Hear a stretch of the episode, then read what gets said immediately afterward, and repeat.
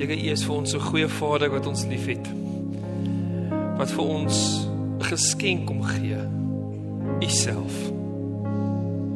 Here, wanneer wanneer U seun vir ons sterf, weet ons die grootste geskenk wat U gee vir mense wat so maklik wegdraai is U self. Sodat ons kan weet, ons kan enige tyd terugdraai. Amen. Dankie aan die band. Dit was absoluut wonderlik. So vanaand gaan ek met julle praat uit Markus uit. Maar vol disclaimer, as jy vanaand 9 uur by die huis is en jy sien dit lyk asof Netflix niks vir jou op het nie, gaan na KSM toe op YouTube want vanoggend se preek van Colin sluit baie mooi aan by vanaand se preek.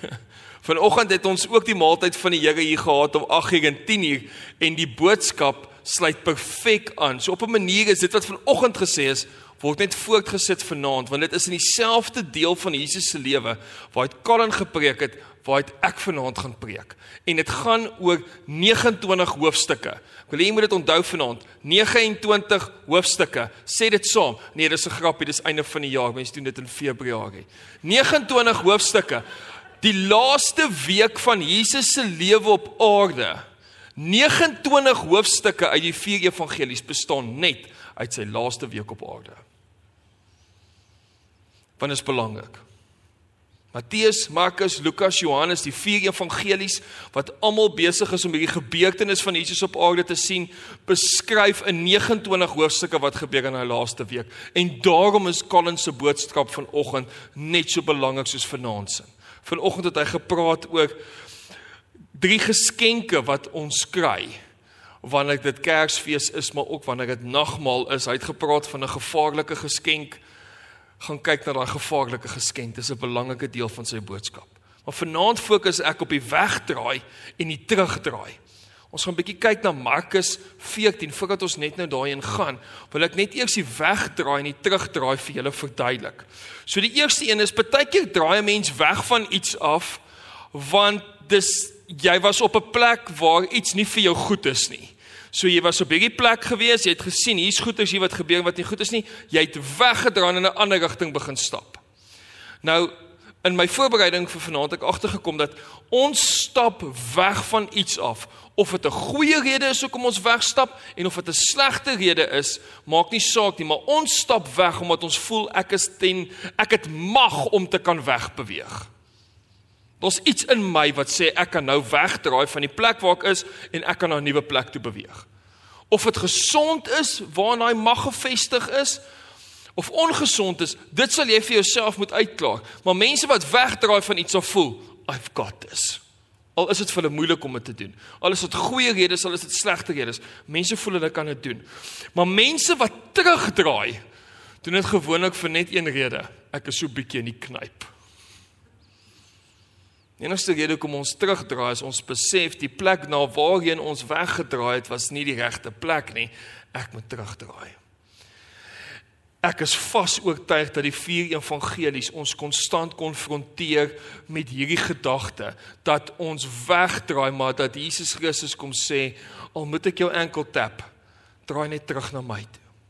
As jy kyk na die verhaal van die verlore seun in Lukas 15 vers 12 dan gaan dit juist daaroor dat hierdie verlore seun het weggedraai want hy het gedink hy die mag. Hy het gedink as hy sy erfporsie het en hy het geld, dan kan hy wegdra en hy kan gaan doen wat hy wil. En as jy die storie goed ken nie, gaan ek dit vir jou vinnig verduidelik. Dis 'n verhaal wat Jesus vertel in Lukas 15. Ons noem dit gelykenisse. Hierdie gelykenis gaan oor 'n pa wat twee seuns gehad het. Die een seun het gesê: "Asseblief pa, gee my my erfporsie." Dis die ekwivalent van: "Pa, ek weet jy het geld. Ek wens jy was dood. Jy is nog nie. Gee vir my dit wat ek moes kry na jy dood is nou al." Dis weg. En dan voel hy maar hy die mag om dit te kan sê en dan hy draai weg.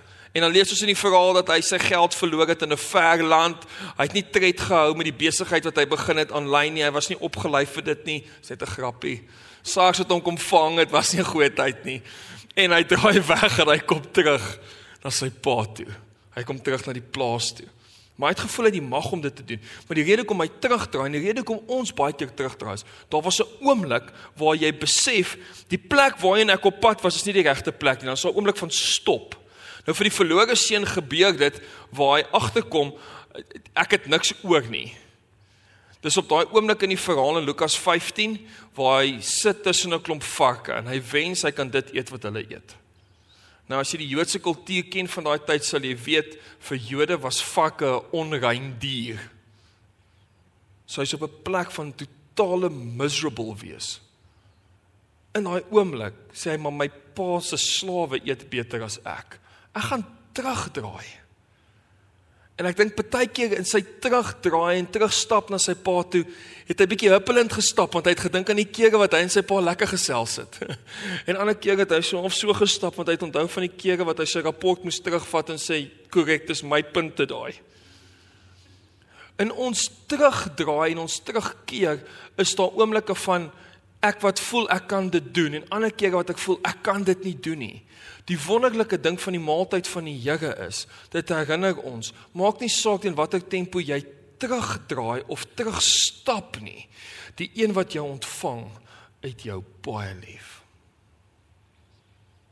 Dis hoekom die maaltyd van die Here belangrik is. Baie keer draai ons terug en stap ons terug want ons besef daar's onafgehandelde sake in ons lewe. Ek moes dit al baie keer doen, nie net voordat ek die Here geken het nie, maar veral nadat ek die Here leer ken het. Soos jy vanaand skuldig voel as jy hier sit en sê, "Wow, ek kan nie glo Gerrit sê dit nie. Ek weet daar's 'n paar onafgehandelde goed in my verlede. Ek moet nie goed gaan uitsorteer. O, oh, ek's die slegste mens ooit." Uh, die rede hoekom jy so voel is dat ek jou net gemoedsrus gee. Dis die Heilige Gees wat met jou praat. Sê gaan sorteer die goed uit. As 'n onafgehandelde goeders is, moet jy met dit werk. Jy het die kapasiteit om terug te draai.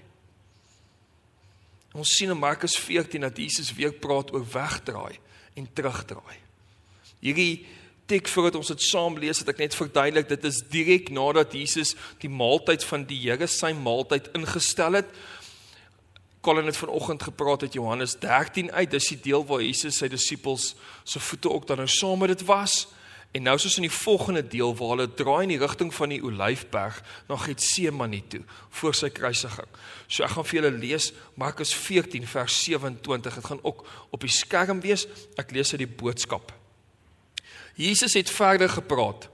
Julle almal gaan die rug vir my draai asof julle my nie ken nie. Julle almal gaan julle op my draai. Hy praat met al 12. Julle almal gaan nie op my draai. Julle almal gaan maak asof julle my nie eers geken het nie. Dis Jesus se manier as ons dink aan hierdie idee van ons wat wil wegdraai van iets af en wys ons het mag. Dan sê Jesus eintlik op daai manier vir die disippels seker op 'n manier julle julle gaan nog vir my wys, julle dink julle is in beheer. Julle gaan wegdra asof julle my nog nooit geken het nie. En dan sien ons verder dat Jesus sê Hy praat daarvan dat hy sê die skrif sê mos ek sal die skaapwagter platslaan en sy skape sal in alle rigtings weghardloop. En daarmee haal Jesus die Ou Testament aan wat vir hulle die belangrikste deel sou wees van hulle kultuur op daai stadium om te sê hiermee is ek besig om daai profesie waar te maak. Ek sal die skaapwagter platslaan en sy skape sal in alle rigtings weghardloop. So Petrus en die ander disippels wat daar staan, besef net dat julle dink, julle gaan vanaand dink julle het mag om weg te draai. Julle is eintlik maar besig om te hardloop. Hou op. Moenie dit doen nie. Ons dink ons het mag, maar eintlik draai ons weg vanuit ons totale onvermoë. Ons dink wanneer ons wegdraai, ek het mag, maar dit wys eintlik ons sukkel om 'n vermoë te hê om te kan bly in 'n situasie, ons beste te kan gee en die Here te leer ken. En dan vers 28 sê so mooi: "Maar ek sal uit die dood opgewek word en dan na Galilea toe gaan." Julle sal agter my aankom. En hier is die wonderlike deel van Jesus dat selfs net nadat hy gesê het, julle almal gaan julle op my dra en maak asof julle my nie ken nie. Net nadat sal hy sê, moenie bekommerd wees nie. Ek gaan uit die dood opstaan en julle gaan vir my wag. Net daar sê Jesus vir hulle, julle moet met hoop leef, moenie bekommerd wees nie. Ek dink julle julle gaan vanaand wegdraai en almal in alle rigtings hardloop en julle gaan terrible voel na die tyd. Moenie bekommerd wees nie. Ek weet julle gaan vir my wag in Galilea. Menende ek weet die afgelope 3 jaar voor dit wat nou hier gaan gebeur, want Jesus het 3 jaar met sy disippels 'n intensiewe pad gestap. Daai 3 jaar gaan wat julle daar was, wat julle nie weggedra het nie, wat julle intentioneel besig was. Moenie bekommerd wees nie. Julle gaan vir my wag. Ek weet julle gaan vir my wag. Hy praat oor die opstanding en dan gee hy vir hulle opdragte. En dan vers 29 kyk ons verder na Petrus se woorde. Petrus, die brawe Petrus. Petrus was die disipel wat waarskynlik eerste vir Siakolisi sou probeer tackle het. Dit was Petrus. Petrus was eerste daar. Petrus kon dit nie meer hou nie en sê toe ernstig: Al hardloop almal weg en maak asof hulle u nie ken nie, hoef u nie bekommerd te wees nie. Ek sal dit nooit doen nie.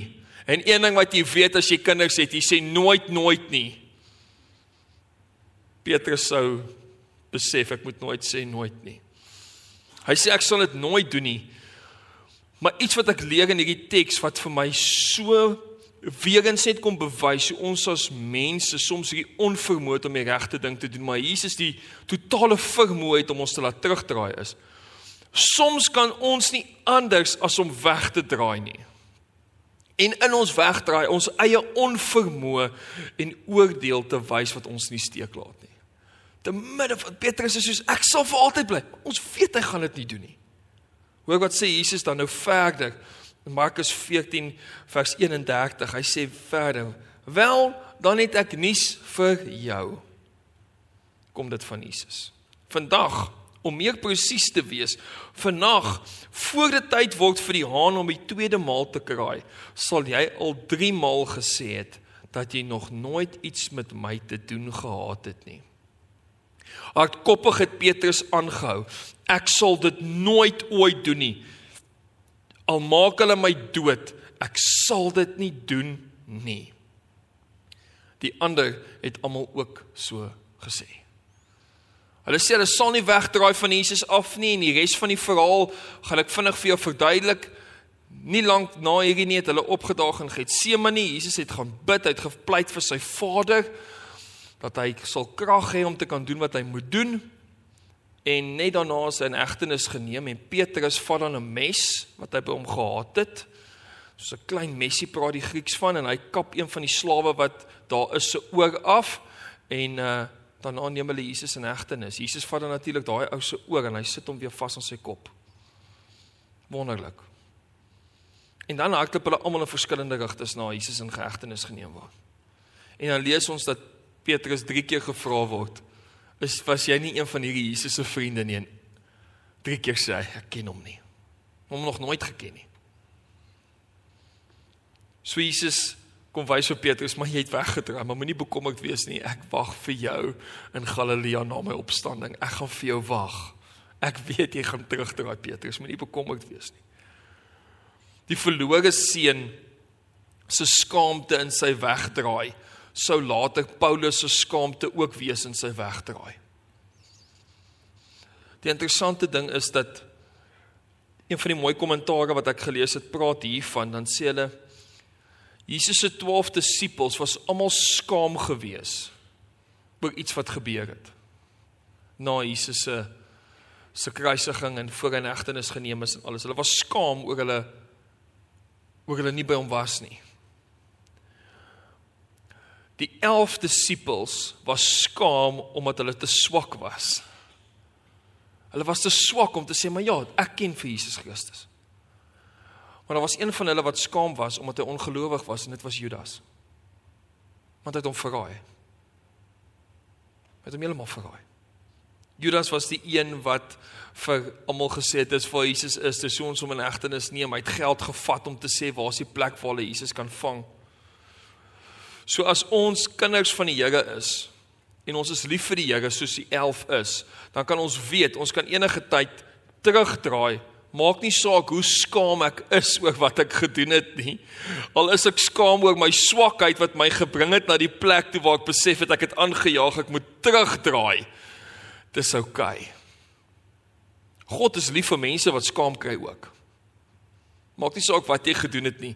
Jou skaamte is nie 'n millimeter teenoor sy oneindigende genade nie. In die Ou Testament sê die Here hy vergewe ons sondes so ver soos die ooste van die weste verwyder is. Dit kan nie by mekaar uitkom nie. Dis hoe wonderlik dit is. Maak nie saak hoe skaam ons is oor die fout wat ons maak nie.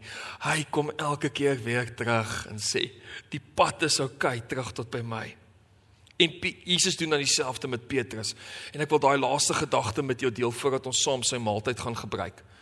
Iets gebeur in in in, in Petrus se lewe. Ons lees aan die einde van die evangelie van Johannes, die 4de evangelie.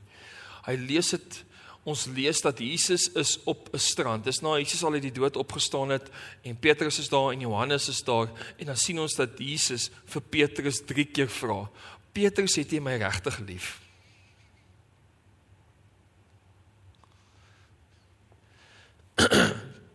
en die rede hoekom Jesus dit doen is baie eenvoudig. Hy weet Petrus het hom drie keer gesê ek ken hom nie. Maar Petrus is nog steeds daar. Hy's weer terug, hy teruggedraai en nou kom sê Jesus vir hom ek vertrou jou.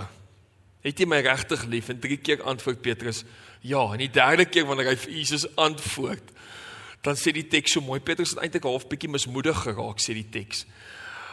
En dan antwoord hy Here, U weet alles. U weet ek het U lief. Menende, Here, hierdie pad wat ek stap, wat ek baie keer wegdraai en weer moet terugdraai en in die regte rigting beweeg na U toe. U ken my. U ken U weet alles. Dis oukei. Okay. Ek ek ek gee myself volkome vir U. Die geskenk van die maaltyd is dat dit vir ons 'n oomblik is om te kan stop en te kan sê ek kan nou terugdraai. en in die rigting beweeg van die een wat my liefhet. As ons kyk na die kerk na Kersfees, dan is dit Jesus word vir ons gegee. En in hierdie tyd van die jaar vier ons Kersfees. Jesus word gegee vir die wêreld. In die nagmaal kom sê die Here, ek is 'n geskenk vir julle. Ek is 'n geskenk vir julle. Hy gee homself in die doop gee hy vir ons sy teenwoordigheid en hy gee mekaar. In Pinkster gee hy die Gees. In die wederkoms gee hy vir ons 'n volle begrip van alles en nou gee hy vir ons 'n loflied.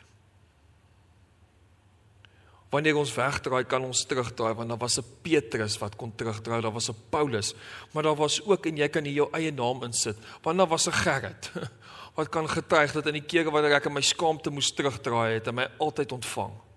Jy kan jou eie naam daarin sit. Daar was ook 'n verlore seun. Ek het spesifiek gekies vir die woord terugdraai vanaand en nie vir die woord omdraai nie.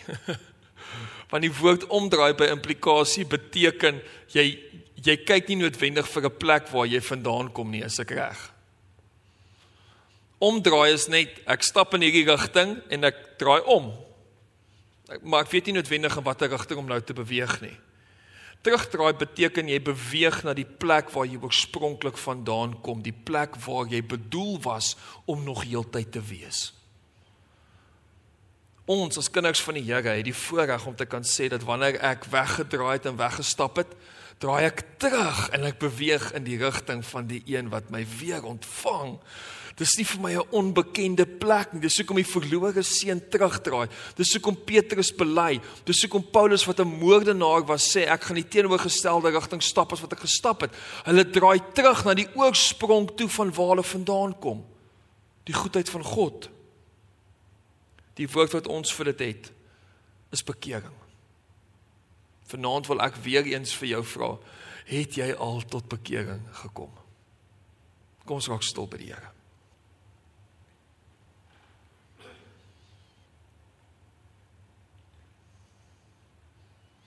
Here ons het so mooi gesing net nou. U is 'n heilige Here en U is heilig vir altyd. En ons kom bely dit nou. Ons kom vra Here dat U ons sal seën ook wanneer ons saam U maaltyd nou gaan gebruik. Dat ons sal weet hierdie is oomblikke wanneer ons weer eens kan terugdraai. Ons hoef nie weg te draai van U nie, maar ons weet ons onvermoë en swakheid doen dit baie keer. En ons weet Here teenoor ons onvermoë en ons swakheid staan U almag. Wat altyd sê ek kom haal jou. Ek het jou lief. Dankie vir die nagmaal wat dit vir ons kom bewys. In Jesus naam. Amen.